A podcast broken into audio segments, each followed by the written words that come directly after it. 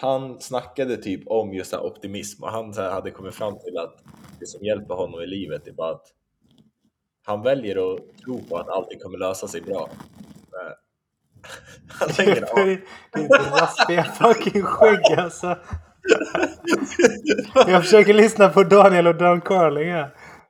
Ska vi inleda och köra? Just det, just det. Det. Har vi inte gjort det än? Jag. Ja. Tyckte du körde på äh, kanten innan. Ja, jo, men vi spelar in, men vi har ju inte inlett. Vi har ju inte liksom... Ja, just det. Jaha, det var därför du var raspa med skägget. Vad fan. ja, kör. Lyssna vad jag säger till dig Där du känner det helt okej Ingen quick fix, det kommer att ta tid Men det är värt det när du Voice äntligen blir fri Psychology. Ytterligare en vecka med mig Jesper Anell, Jonathan Stenberg och Daniel Sadegi. Vi stannar på det namnet. Och den här veckan ska vi prata om optimism. För två veckor sedan så pratade vi om acceptans. Och när vi väl har lärt oss att acceptera våra känslor och våra tankar, då är det dags att försöka vara optimistiska och se att allt kommer bli bra och bättre. Men optimism har ju en motsats som är pessimism. Och sen har vi det där mellanbegreppet realism eller realist. Jag är optimist, jag är pessimist eller jag är realist. Ja. Men är det, det är ju inget mellanbegrepp. Är det så att du är, vad, vad, alltså vad är skillnaden, vad är en realist kontra en typ pessimist och en optimist? Ja, alltså jag tänker att optimism och pessimism handlar ju om, inte saker som är nu, men typ vad man föreställer sig om framtiden. Och framtiden är ju fortfarande outspelad, så det är alltså så här, att vara realist. Det är så här, man kan ändå vara en realist även om man är en optimist eller pessimist. För det beror också så här, på typ i vilken riktning tror jag att allting kommer utveckla sig. Så det är inte realiserat än. Så att man bygger upp det grundare i form av hypoteser eller att välgrunda det om jag tror att någonting kommer bli bra optimistiskt synsätt på det, på det positiva eller eh, om man inte tror på att det kommer bli så bra utan tror mer på dem eh, att glaset är halvtomt eller halvfullt är det som man kan se det. Och att realist har väldigt grundad liksom argument till varför man tror på någonting. Medan kanske om man säger att ja, men jag är en pessimist i grunden, att jag tror att allting skiter sig. Och en optimist, nej, jag väljer att tro på att det kommer bli bra. Så att en realist kan värdera väldigt mycket utifrån eh, vad heter det, fakta som ligger på bordet. Eller? Ja, eller i och för sig nu, nu när du sa det, jag tänkte i och för sig det här med att se på glaset som halvfullt, halvtomt, det är en klassiker. Det är en Det är i och klassiker. för sig orienterat mot nuet kanske. Men Ja, det kan nog vara både och. eh, Så här. Ja. Hur man tolkar saker kan ju vara optimistiskt det känns. mm, jo, i och för sig. Mm. Tolkningar och så. Jag ska säga att jag har jävligt svårt när, eh, eller ofta har jag svårt när folk säger att de är realister. För att det är någonting som är så jäkla... Alltså, det, eller det har potential att vara väldigt, inte ödmjukt. För att det är som att typ, jag vet hur världen ser ut och jag kan se det för vad det är. Alltså det är, förstår ni vad jag menar? Det är, jag tänker att optimisten och pessimisten utger sig också för att för att förstå verkligheten. Typ att man är realist känns som att typ bara det är fan, det är någonting eh, att hijacka hijacka typ hur situationen ser ut. Att man har någon så här definitionsrätt på det. Mm. Det kanske inte alltid behöver vara så. Men... Nej men det är ju mycket, mycket ligger ju i det. Eh, Det känns ju verkligen som att man sitter på en hög häst när man säger att ja, jag är en realist. Ja, jag är bara realistisk. Ja. Ja exakt, vadå? Jag ser bara som det är. Det här är det som kommer Ja. ske. Mm. Eh, men jag tänker på att det som gör det här ämnet väldigt intressant för mig är det här vardagliga. Vi kommer gå in på mer djupa och långsiktiga, men det vardagliga har jag en person i min närhet som ser allting som att eh, ska jag göra någonting på lördag så har jag jättelåga förväntningar. För att ja, troligtvis kommer det vara skit, men allt, ifall det inte blir skit så kommer det bara överträffa mina förväntningar. Alltså blir jag aldrig besviken om jag har pessimistisk inställning till någonting. Medans har jag en optimistisk inställning som jag brukar ha, ja, då kan du bara bli besviken. Om du bara ser på att det här kommer bli bra och du ändå ser på de positiva sakerna och så blir det inte på samma höjd som du har tänkt dig, då blir du besviken. Finns en term för det, kommer jag ihåg, eh, defen defensive pessimism. Typ man utgår mm. från att... Uh, saker. Alltså jag, jag tror, jag kan känna igen mig mycket i det sättet. Och jag, jag tror att det är lite uttryck för mig, lite annat uttryck. Mm.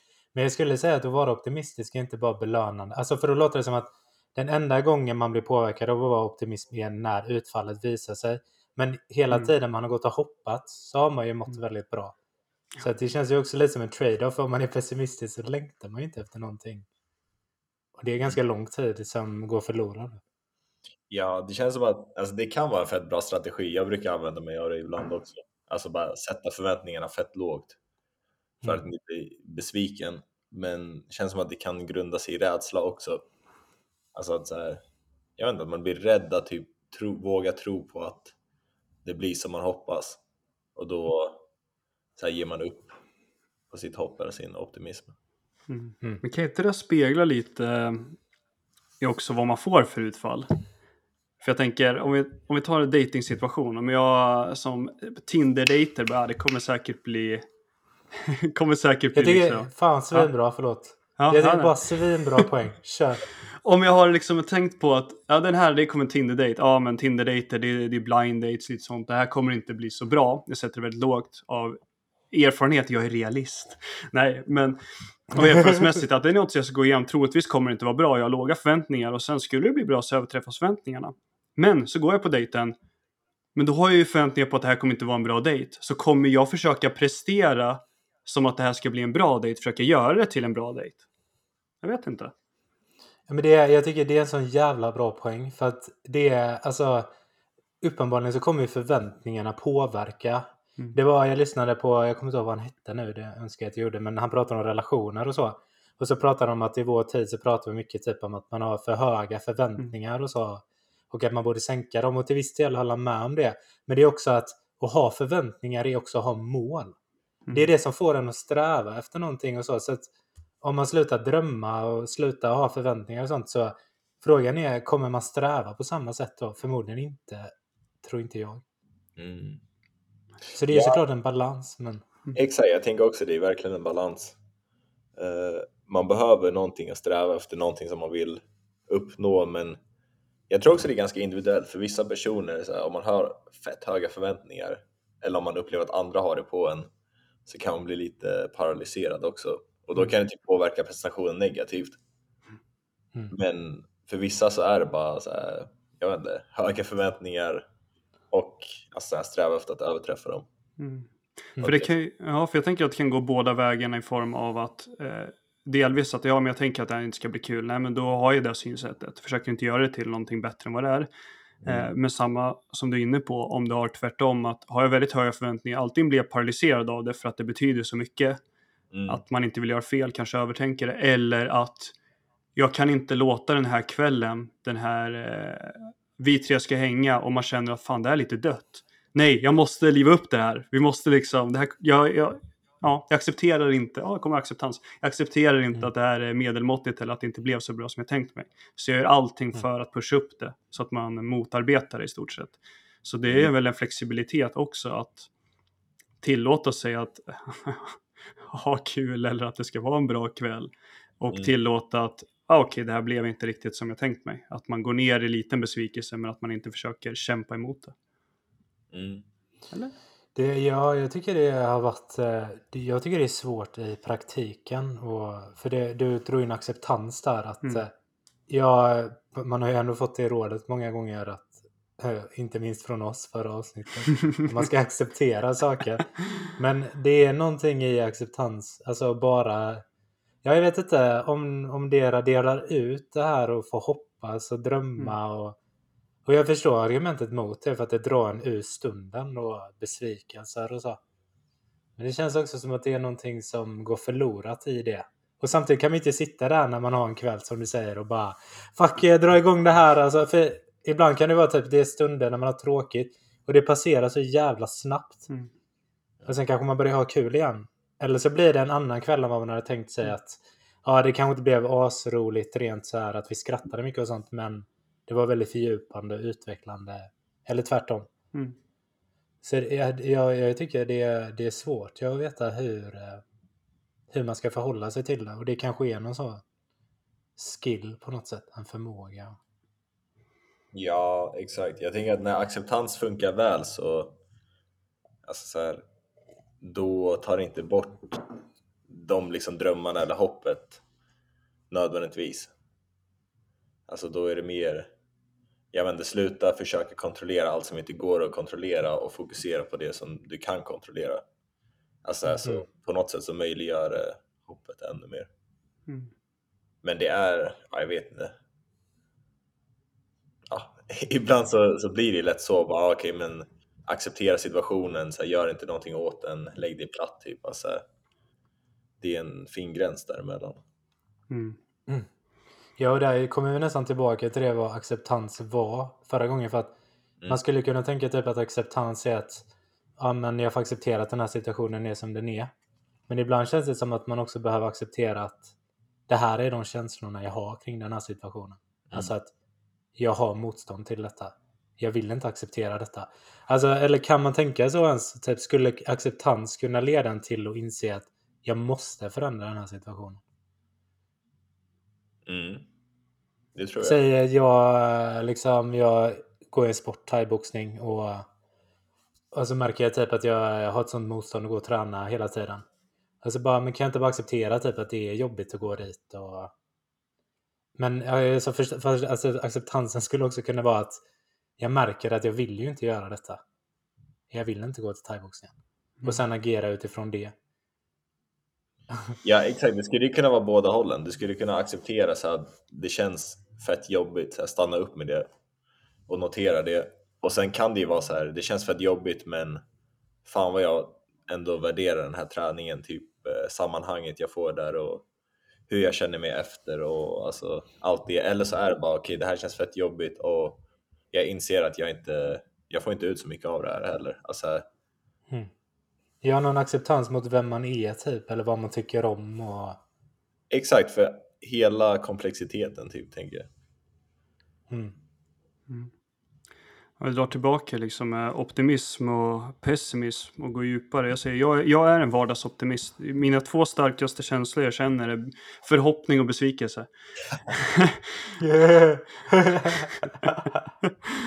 Jag har fått den frågan. Vad, vad känner du mest för känsla? Ja, det är förhoppning eller ja, vara taggad och få massa dopaminsläpp och sen besvikelse av att det aldrig blir lika bra som jag hade tänkt mig. Men jag njuter ju innan, som vi pratade om Jonathan, jag njuter ju fram tills ögonblicket sker och varje dag så är det roligt fram tills kvällen när man har sett på dagen och fan den har varit skit. Du är som en sån eh, riktig kokainråtta. Ja, precis. Samma typ. Men, eh, men liksom vad är kännetecknen för en, förutom vardagsoptimist då? Alltså vad säger man att du är en, alltså vad kännetecknar en optimism mer i det lång, långsiktiga? Ja, jag tycker det är svårt att definiera för det finns så många närliggande begrepp som vi var inne på innan vi började där. Men alltså även typ hopp, det tog vi inte upp då, men hopp och optimism känns ganska närbesläktade. Och även typ så självsäkerhet tycker jag är... Alltså det, självsäkerhet kanske är mer kopplat till ens egna förmåga att påverka en situation så att det blir som man vill och optimism är bara en tolkning att det är eller kommer bli så som man vill, tänker jag. Mm. Eh, vänta, vad var din fråga? Ja, exakt. Vad kännetecknar liksom en optimism? Förutom bara de här vardagsmässiga som jag sa, att jag förväntar mig att den här helgen blir asbra och hoppas på det. Jag ser glaset som halvfullt hela tiden. Men eh, det känns ju som väldigt eh, alltså karaktäristiska och väldigt eh, väldigt vanliga saker man ser. Men finns det någonting mer i optimism? Känns som att det är, i och med att vi också tar upp li, alltså närliggande begrepp och sånt, att det är, det är så mycket material på något sätt. Alltså, För som Daniel säger, optimism, hopp. Eh, alltså optimism, jag vardagsoptimism om du beskriver. Jag tänker också att man är typ livet generellt. Att eh, Mm. Ja, alltså man tror liksom, det behöver inte ens vara att man tänker att man får det man vill tror jag, utan att det kommer bli, det kommer bli bra oavsett vad. Mm. Någon så här nästan eh, djupare form av optimism.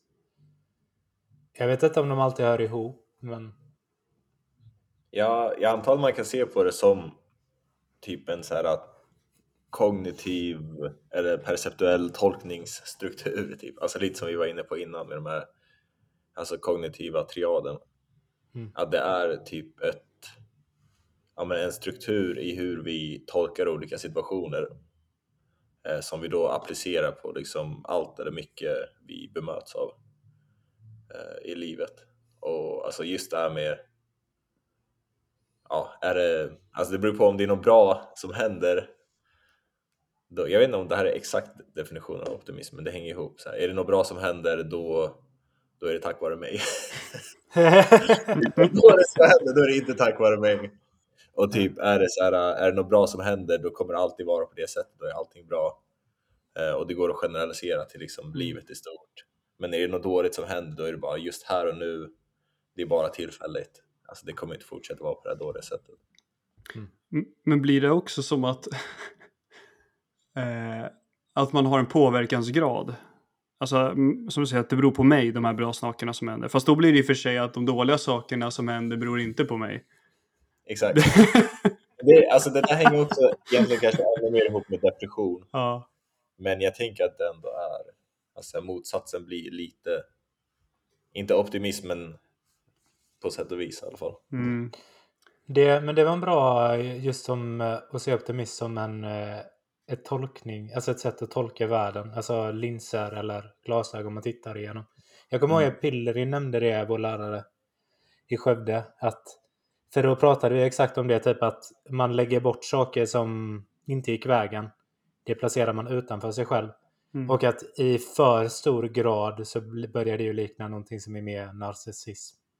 Så att jag tror Mm. att det också är en balans i det, Mm. att ta ansvar och samtidigt eh, så kanske mer en balanserad eh, tolkning. Mm. Ja, Som ja, ger men, energi. Ja. ja, men precis för att det är ju exakt en tolkning på saken och en realistisk syn på vad det är. För vissa saker, precis som vi pratade om acceptans, vissa saker kan ju du inte påverka så mycket kanske. Och då kanske, Ja. inte, om det är något negativt som sker, då kanske inte du ska ta ansvar för det. Eh, till exempel, jag blev varslad från jobbet för att det är dålig ekonomi. Det kanske inte jag, jag kan inte påverka det. Det är LASI-regler som gäller.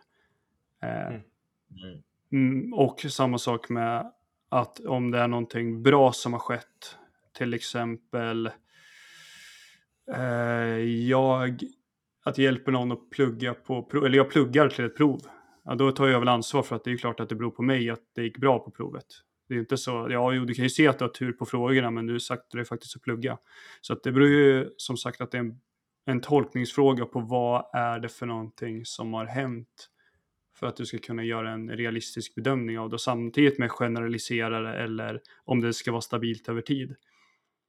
Eh, för annars kan det ju precis som Kim eh, eh, att det är lite narcissistiskt tro att allt bra som händer beror på mig, allt dåligt som händer beror på yttre faktorer. Samtidigt som att det kan bli lite arrogant ifall det är så att ja men vadå, eh, allting går ju bra nu, det kommer vara över tid, jag behöver inte göra någonting. Det blir ja, lite arrogant sätt att se på det också, så jag, ja, jag tror inte att det är hela tiden att man kan känna så. Nej men jag tänkte bara fylla i där, alltså att det blir ju lätt patologiskt som ni var inne på också om det är överdrivet. Alltså Mm. om, om man tolkar allting dåligt som att det inte har med en själv att göra och sen så är det en själv som har så här påverkat på många sätt. Det, kommer in, det är ingen hållbar strategi och alltså så här, ja, det kanske är optimistiskt på sätt och vis men det, ja, det kommer ju bara leda till jag vet inte, att man inte tar ansvar för det man kan. Det var länge sedan jag läste om det, men jag undrar hur det är i eh, de fallen. Alltså med någon som är narcissistisk, om de inte har ändå ganska mycket positiva känslor och så. Alltså för att det behöver inte vara bra för att man har mycket positiva känslor, men Det är ändå Mm. ett eh, tolkningsinstrument som kanske kan ge en positiva känslor. Men sen i längden blir det väl destruktivt i att man förstör relationer. Och, Mm. Så det är väl någonting kortsiktigt i det också. Exakt, väldigt kortsiktigt. Det kan kännas fett Mm. bra stundvis. Mm. Men alltså så, här, så jag, det jag har hört liksom om narcissism också är att i grund och botten så bottnar ofta i en djup osäkerhet och att man försöker så här överkompensera med en överdriven tro i sig själv och sitt eget värde. Mm. Ehm, Jag har väldigt eh, sviktande självbild, eller labil självbild. exakt, i grund och Mm. botten och sen då blir det så här konstant, jag måste övertala mig själv om att så här, jag är bäst, jag är den viktigaste, jag är, ja. Mm. Men, eh, men där, eh, på tal om det, för jag, det tyckte jag, för jag tänkte ofta på det bara med tolkningar och sånt, så bara men är det, eh, det blir väldigt relevant i terapi och så med att, ja men, ja men det här är en realistisk tolkning kan ju någon säga, att jag är uppenbarligen, jag är dålig typ, eller jag har inga vänner, och det kan ju vara så att de faktiskt inte har några vänner och så. Men Mm. där, har, liksom, där är min upplevelse att man pratar om, eh, eller så som jag har förstått det så pratar man mer om hjälpsamma tolkningar. Eh, så att saker som ändå, för att ofta är ju vissa tolkningar kan vara så här, ja men det, då kommer vi tillbaka till de här förklaringsmodellerna vi pratar om Mm. att det lämnar liksom ingen väg ut vissa tolkningar. Bara jag är värdelös, jag kan inte förändra det. Så kommer det alltid vara. Mm. Man skulle ju kunna tolka jag har inga vänner, det beror på de här faktorerna. Jag skulle kunna få vänner. Alltså så- tolkningar som är hjälpsamma egentligen. Mm. Ja, jag tänk, ja, och jag tänker på med optimism och varför det skulle kunna vara bra att vi har ju en väldigt Borde vi inte, eftersom vi har en negativity bias att fokusera på det negativa, borde inte det vara också att vi borde kunna, är pessimistiska i grunden som människor, eller? Finns det någon koppling där? Eller grund och grund, men att det finns någon typ av ja, försvarsmekanism. Ja, till att börja med så tänker jag att alltså, ja, vi har en negativity bias, men Ja, på gruppnivå har vi det. Alltså, så här, det finns Ja. jättemånga som, som jag i alla fall har bekantat mig med som inte verkar ha den nej, nej, nej. biasen. Eh, men ja, jag vet inte, det var egentligen den enda poängen jag ville göra. Ja, jag vet att vi läser lite om det i, alltså när man läser om evolution och så. Och där var ju argumentet typ att ja, men om du misstar det för att det brinner så gör det ingenting om du springer ut ur huset 30 gånger i onödan. Nej. Däremot om du tolkar det som att det inte brinner när det brinner, ja, då är du död. Ja. Så att det skulle vara någon liksom evolutionär selektionsmekanism. Jag vet att jag är alltid tveksam till sådana för att det skulle kunna vara, ja, jo, på vissa sätt. Skulle det väl För- kunna vara så. För jag tänker det som motivationssystem också. I, eh, nu kommer jag prata innan jag har tänkt klart här. Eh, när vi läste positiv psykologi så pratade vi mycket om livstillfredsställelse och hade ju en skala på det eh, Mm. också. Det är life with life satisfaction scale. Nej, life with satisfaction. Sa- Satisfaction with life. with life scale, exakt. Eh, det man ska bedöma, och då kunde man ju bedöma utifrån eh, tre, alltså tre liksom former av det, att det var i nutid, framtid, dåtid. Och tänkte säga, man försöker ju en intervention för att göra man väldigt lågt på framtiden, alltså vad, vad ser jag mig själv, jag, om tio år eller i framtiden ser jag mig ha allting som jag behöver, är ju till exempel ett påstående. Om jag tror bara, nej jag kommer inte ha någonting, eh, framtiden är inte ljus för mig. Och så försöker vi alltid ha det som en intervention att, eller alltid, en intervention är eh, best possible self, alltså bästa möjliga jag. Att man ska skriva väldigt detaljerat, vem är jag i framtiden om jag är mitt bästa möjliga jag? För att kunna få öka den där optimismen på att det kommer bli bra i framtiden. Men vad är mest drivande? Eh, att man försöker liksom öka eh, det best possible self, alltså optimistiska, att det kommer bli bra i framtiden. Eller att man ser att fan, det kommer inte bli bra i framtiden. Jag måste göra något aktivt nu. Alltså jag måste göra någonting för att förändra situationen. Alltså har vi den här brinnande plattformen. Du pratade om brinnande hus, Jonathan. En brinnande plattform framför sig. att Gör jag ingenting som kommer att gå åt helvete i framtiden för mig. Jag kanske inte pluggar om jag studerar. Eh, eller vill man ha det här best possible self, eh, ett vykort från framtiden som man har som driver en? Alltså vad motiverar en mest, tror ni? Mm. Mm. Det är där jag ville få fram här. Ja, men det är en intressant fråga. Det blir alltså... För så som jag förstår det så på ett sätt så skulle kunna, en optimist skulle också kunna förhindra en från, från att förändras. Ja. Det skulle göra en eh, ja, mindre handlingskraftig. Så på det sättet så kan optimism, det kan vara öka viljan att göra någonting. Men det kan också få en att inte förändras. Mm. Uh, nej men det är väl en öppen fråga med tycker jag. Mm. För vad, vad motiverar människor mest? Tanken på helvetet i framtiden? Eller... Uh, men det är både och därför att det skulle kunna vara att man vill förändras för att man lockas av ett annat ideal. Mm. Men det skulle också kunna vara att man är optimistisk att det kommer lösa sig ändå. Så, att, Mm. så det beror ju också på... Alltså det känns som både med acceptans och optimism, båda kan verkligen vara beroende på hur man tolkar det. Eh, antingen kan göra att man inte förändras eller att man verkligen vill förändras. Mm. Om ni fattar vad jag menar. Ja, Ett ja, konkret exempel, liksom... Eh, nu tar jag... Jag ska inte ta piano. Men om jag ska plugga. jag, ska, jag funderar på om jag ska plugga till psykolog i framtiden. Alltså, optimistiskt är så här bara, nej men jag tycker det suger lite här på lagret. Men eh, jag tror liksom att det kommer bli bra i framtiden ändå. Jag kommer liksom träffa en god partner, jag har kul med mina polare och så. Det gör ingenting att jag mår pissigt liksom sådär lite då och då. Det skulle ju kunna tolkas som optimistiskt. Eh, Men man skulle också kunna vara optimistisk typ om, oh shit, om jag verkligen tar tag i det här och pluggar psykolog så kommer jag ha mycket mer, alltså en arbetsplats jag trivs mycket bättre på och så. Nu pratar jag utifrån mina egna Mm. preferenser. Ja, ja. Eh, och acceptans skulle kunna vara, nej men det är så här situationen ser ut, nu jobbar jag på ett lager, det är bara liksom, jag behöver inte hålla på och plugga till högskoleprov och sånt. Det är det här det blev, liksom lager. Eller så har jag acceptans för att fan, jag mår inte bra här på lagret. Så jag märker den här motviljan och så. Jag behöver förändra någonting, jag kommer bli bitter. Mm. Så att det, är, alltså det är så jävla lurigt när man pratar om acceptans och optimism. På Mm. det sättet. Man kan göra det till vad man vill lite. om man inte passar sig. ja, verkligen. Ja. Ja, det är en bra poäng. Ja, men jag tycker det är intressant när man har de här, det var ju bara en fråga jag hade bara för att bara, vad fan motiverar en mest egentligen om jag har en brinnande, brinnande framtid, ett helvete eller om jag har något som jag strävar emot, eh, en sån här idealbild. Men sen har vi också den här eh, dåtidsaspekten, alltså att man, hur man ser det där perspektivet, hur jag ser på min dåtid, att min barn har varit bra och att jag har haft förutsättningar för att lyckas. Eh, och där försöker man ju ändra perspektiv på uh, vissa saker ifall det är inte är så bra. Det här med one door closes, alltså en dörr stängs, en annan öppnas.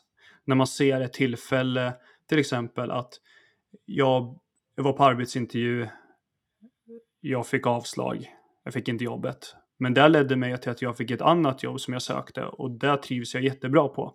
Att man försöker se att ett bakslag är bara att det öppnas upp för en annan möjlighet. Eh, och det ska ju också liksom, det är ju en optimistisk synsätt på att när det går skit. Och det är ju någonting som ändå motiverar en att inte falla lägre. Att det blir som att man höjer sitt golv, att man faller inte från en jätte, man faller inte jättemycket. Utan man kan fånga upp sig genom att se att allting som är dåligt för något gott med sig för att det kan hända något riktigt bra efteråt.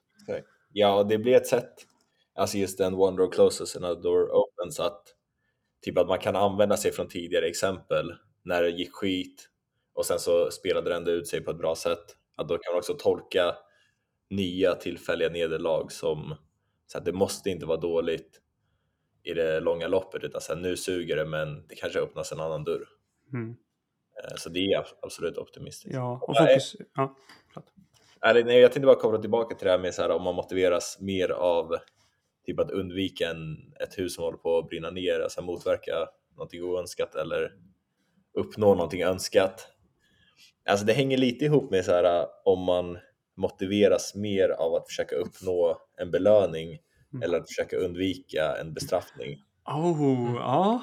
Och det finns Ja. också en del forskning på det så att olika personer motiveras av olika saker. Och typ ja. psykopater motiveras här på gruppnivå fett Mm. mycket av att uppnå, alltså att uppnå någonting belönande. och de lär sig inte alls mycket av en bestraffning. Alltså, de lär sig inte alls, eller motiverar sig inte mycket av att försöka undvika någonting icke önskvärt. Och typ Ja. extroverta versus introverta, jag vet inte om vi snackade om det tidigare på podden, men där finns det också en skillnad, typ att extroverta motiveras mer av att uppnå en belöning än att undvika en bestraffning, medan introverta blir mer på gruppnivå än en gång så här motiverade av att undvika en, en bestraffning. Men finns det liksom belägg för det här med typ 50-50 situationer då? Eller det här high risk, high reward begreppet att eh, försiktiga eller personer som är lite mer försiktiga bara nej, nej, nej, det är bättre att jag stannar på det här nu än att försöka vinna mer. Mm. Eh, och att Ja. ja, annars är det bara nej, men det är värt risken för jag är inte så rädd för bestraffningen eller utan det är värt eh, the glory, go for the glory liksom. Att det är mer värt det. Ja, absolut, det hänger ihop. Alltså riskbenägenhet typ och Mm. Alltså risk, varför tar man en risk? Det är ju för att uppnå någonting man vill uppnå. Eller det kan väl vara för riskens skull också, bara för the thrill of it. Men Mm. ofta är det ifall man ser så en potentiell belöning. Eh, Det finns en annan spin på det som jag tycker är, alltså för att på ett sätt så blir det också beroende på var, alltså vad den tänkta bestraff, alltså vem som, vem som funderar på det. Alltså jag menar om jag tänker mig in i framtiden, ska jag tänka att typ hur mitt liv skulle kunna bli sämre och sen motiveras av det. Men däremot om någon annan kommer till mig och bara, du, du måste förändras nu, Mm. annars kommer det här och det här hända.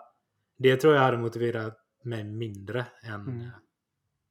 än om jag själv gjorde det. För att det är som klassiskt typ när man pratar om i MI och så. Ja, Att precis. Det, jag kommer ihåg de nämner det att det, det är en egendomlig tanke att man skulle kunna få någon att skämmas så mycket så att de vill förändras.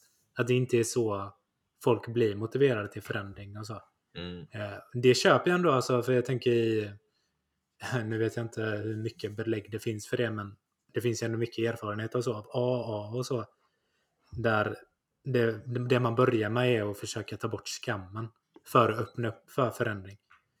Så, och det, det kanske inte är exakt samma sak i och för sig med att ditt liv kommer bli ett helvete till att skämma någon. Så de kanske inte är exakt samma. Nej. Ja, men ändå viktig distinktion. Opt- alltså det här med, eh, vi pratar lite framtid dåtid. Jag tänker ifall jag, nuvarande perspektiv så kan man ju också försöka få en lite mer positiv syn. Det känns ju som att det är där man försöker göra på alltså optimismövningarna som vi har blivit lärda i positiv psykologi. Att okej, framtiden, du kan tänka på det bra som skulle kunna vara, alltså ditt bästa möjliga jag. Dåtiden att, ja, även fast det gick dåligt där så öppnar det upp en möjlighet för dig att kunna ta det här jobbet. Och sen har vi det här nutids nutidsperspektivet också, att fokusera på hur kan vi göra din syn på ditt nuvarande liv bättre. Eh, Men min, min fundering är lite som optimism och pessimism. Det känns som att man skulle kunna ta det och tolka det som att positiv och negativ. Eh, Att är det kul att hitta på något med en person som är pessimistisk hela tiden? Bara, nej, det här kommer inte bli kul. Vill du gå dit? Nej, det är fett tråkigt. här." vill, du åka, vill du åka till Holland? Svarar inte i chatten.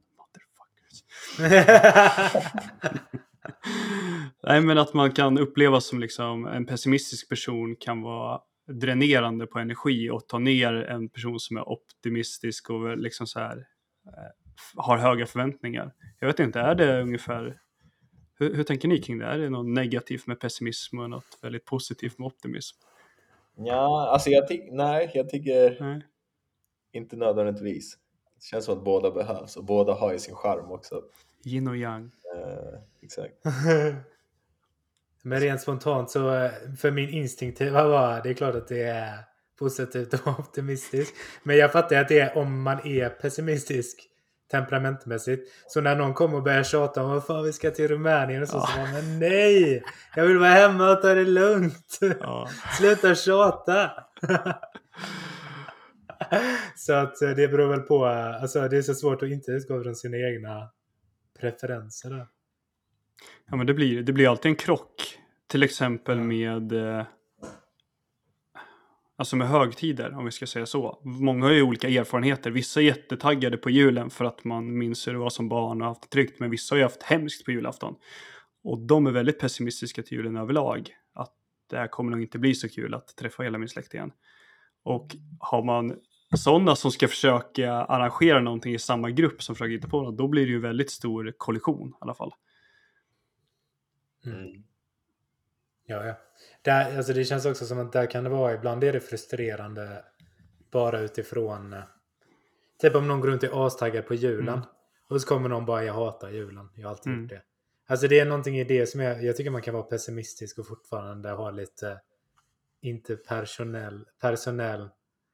Ja, jag menar att man kan ändå förstå att den andra är optimistisk Ja, kring det. Man precis. behöver inte skjuta ner det. Liksom, Mm. Nej, jag tycker att den är lite... Alltså, det är Fan, det bara slog mig. Nej, förlåt. Nej, men jag tänker för att det, är så här, det beror ju på så mycket vad man har för preferenser utöver optimism och pessimism. Typ med en Ja. resa. Precis. Om man så här, har rest tidigare och bara upplevt så här, fan, jag tycker inte det är kul, jag tycker bara det är jobbigt. Då skulle det inte vara typ eller jag vet, alltså så här, på sätt och vis kanske det är optimistiskt ändå. Bara, fan vad kul det här blir, men på något sätt är det också så här optimistiskt och bara, ah, jag vet inte, jag vill, det här är mitt liv, jag vill stanna här och gå. Alltså, Ja, Ja, ja, det är klart. man lär känna sig själv liksom. Ja. Det kan vara något rastlöst över att vilja Alltså vilja dra iväg, alltså hitta på grejer och så att man eh, Det kan ju också vara att man inte är riktigt tillfreds bara. Mm. Mm. Så det måste ju inte vara, det kanske inte är en klockren Att det måste vara optimism eller Nej, ex- nej, och det är ju många av de här sakerna som kan misstolkas också. Det är därför jag tycker det är så svårt att vad ska vi definiera. Är det hopp, hopp om en bättre framtid? Eh, är det liksom det här vardags att vara taggad på saker, att ha höga förväntningar eller respektive låga? Jag tycker det är lite svårt för att det är lätt att tolka in det som att en person som är, jag vet inte, att en person som är, säger nej till allting är en pessimist och en person som säger ja till allting och aldrig ser någonting negativt med saker, alltså en blå, kanske en blåögd person, en optimist. mm. Men jag vet, det känns inte som att det är så enkelt, men det är lätt att man, drar, mina tankar i alla fall dras dit när man bara tänker på det, rent spontant. ja, men Det är sån layman, alltså Mm. populär eh, Precis. term Som inte är så genomtänkt egentligen. Det är väl därför det är bra att ha de här samtalen för att Mm. Mm. för att, Det känns också som beroende på var man är i lägret så använder man dem på olika sätt. Så här bara, optimister är blåögda, pessimister är astråkiga. ja, Och det är lätt att gå dit tycker jag när man är, identifierar sig som något av det. Men ja, exakt. Men det måste inte vara på det sättet. Det är, jag, tänker, jag känner också Nej. så här, folk som jag skulle säga är optimistiska, men som också är fett typ praktiska. Och som tänker så här, fan vi kommer kunna få till det här på ett asbra sätt. Vi kommer kunna få värsta coola resan eller vad man nu snackar om. Men då måste vi förbereda oss på alla de och de, de, de sätten. Alltså, att det blir också grundat i, i någon villighet att verkligen ta de aktiva stegen som behövs. Så det är inte bara så här, ah, det kommer bli asbra, punkt. Utan så här, Mm. det kan bli asbra om vi också gör allt det här och sen agera på det. mm, Alltså, den typen av opti- optimism känns ju mer optimal i mitt huvud. ja. Och sen tycker jag att det Men den, finns... ja, som helhet. Nej, men bara som helhet, typ, och även om varje individ kanske inte har den perfekta balansen. Men jag tänker verkligen på vår Hollandsresa så är det så här. Några är mer eh, organiserade liksom och, sen, och några är bara mer taggade. Så Mm. att det händer någonting. Och samtidigt under tiden det händer någonting så organiseras det. Exakt. Vissa tänker bara, det löser sig. Alltså, det kommer bli katastrof. Exakt. Jag säger inte vilka. Adam.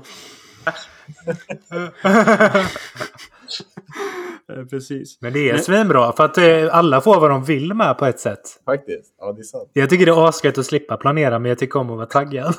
ja, ja, det är asnice att det löser sig det mesta. Nej, faktiskt. Nej, men så är det ju. Det är Eh. skönt att bara lowballing. Alltså. Det är lugnt, det blir asbra. Jag vill bara hoppa på det här tåget så som helst. Exakt, det ser jag som händer. Nej, men jag har ju också en bra...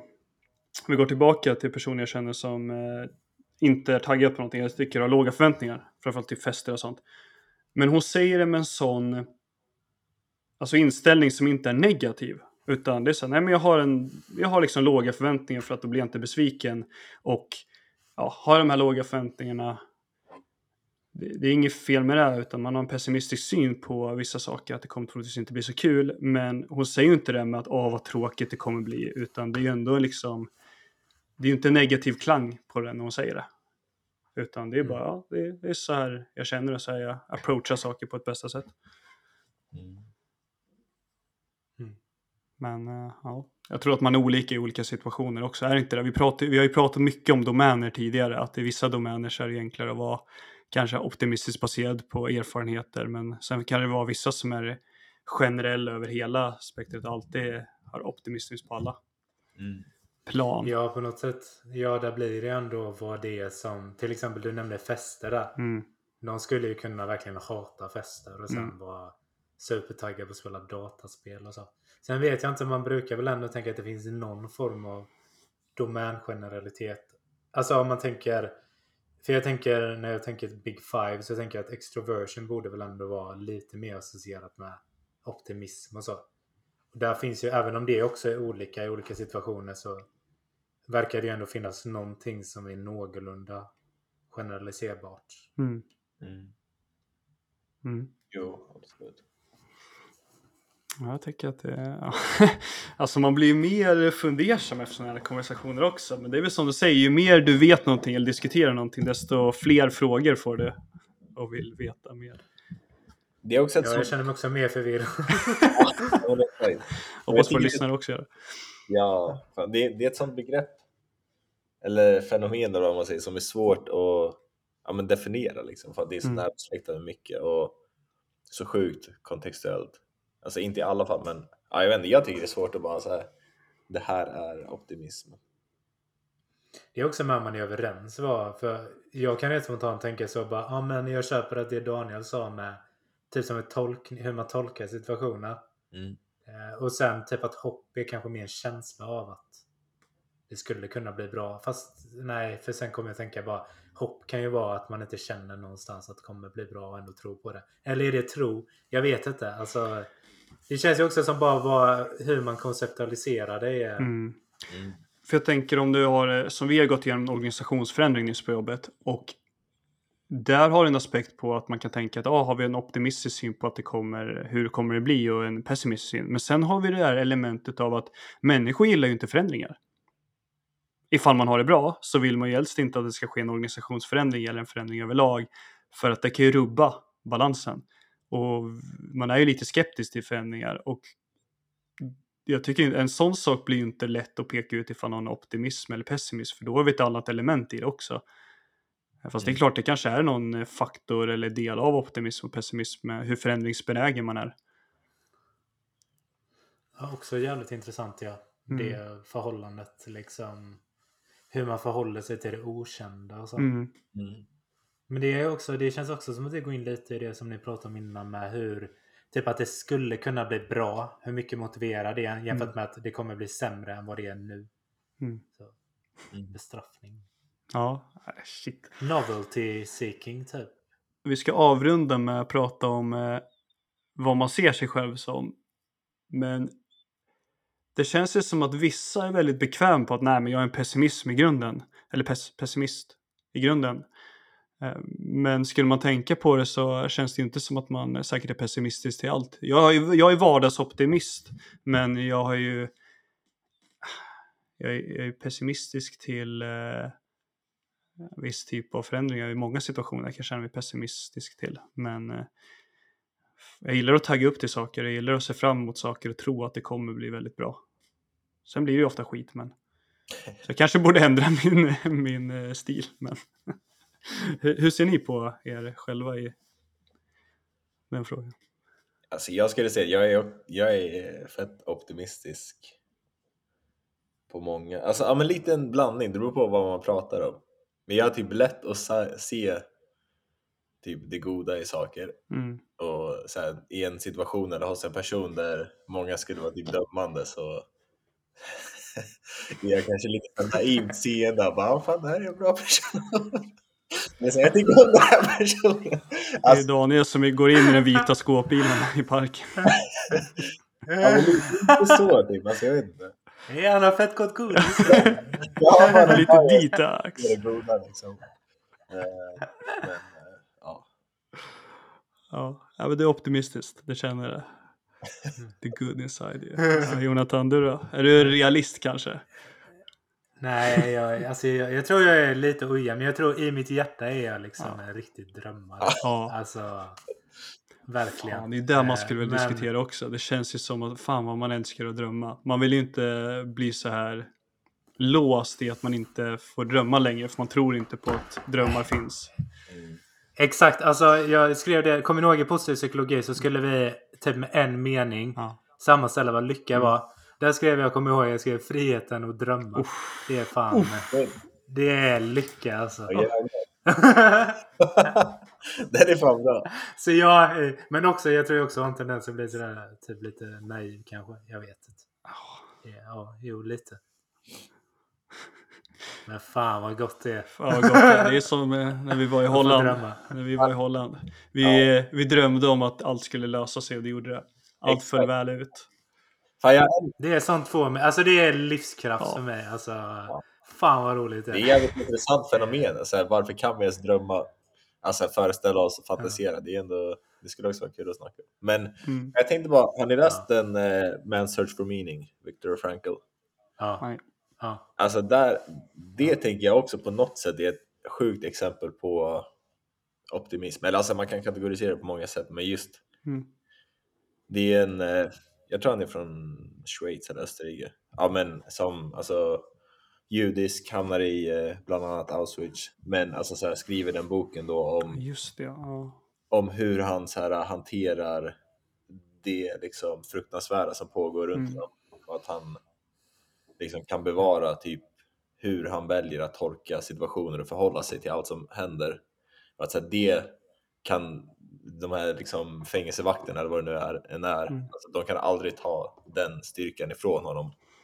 Och det är en sjuk optimism på något sätt. Men det, ja fan nu, vi kan inte hålla på det, men jag tycker det är så spännande för att typ så här, hur, hur, för jag tycker att pessimism kan ju smitta av sig också. Mm. Kanske optim, optimism kan ju också göra om du har tillräckligt många, liksom att man eh, går med och att de försöker styrka sitt eget på att ja men kolla hur dåligt det blev, alltså vet, kolla, kolla på det här och det kommer inte bli bra. Och att optimism är att jo men kolla hur bra att man försöker styrka sin, eh, ja varför man tror på eh, det man gör. Men det känns ju en sån där, alltså shit vad stark optimism med allt runt omkring som Mm. händer i, ja, som, ja, i Auschwitz liksom. Nej, fy fan. Ja, nej, det är orubbligt. Där är inte jag. Nej. Kanske mest Ja. obvious, men där är fan inte jag. Nej, det är nog inte många som är där. Nej, I wish. Ja, nej men vi, vi stänger igen butiken nu. Du ska gå och jobba snart Jonathan. Men eh, tack Jonathan, tack Daniel. Tack Jesper. Tack till alla som har lyssnat och på återhörande om två veckor igen. Ciao! Hon ger mig dopamin som kokain Hon ger mig serotonin och oxytocin som MDMA och ecstasy Som amfetamin blir jag speedad När hon kallar står jag givar. Hon gör mig lugn som hon vore vän Som jag får ha kvar. Mina känslor De växer sig starkare varje dag. Hon gör mig tuff när jag är svag. Du är kort och jag är Kurt Vill inte leva utan dig, jag dör hellre först. Du är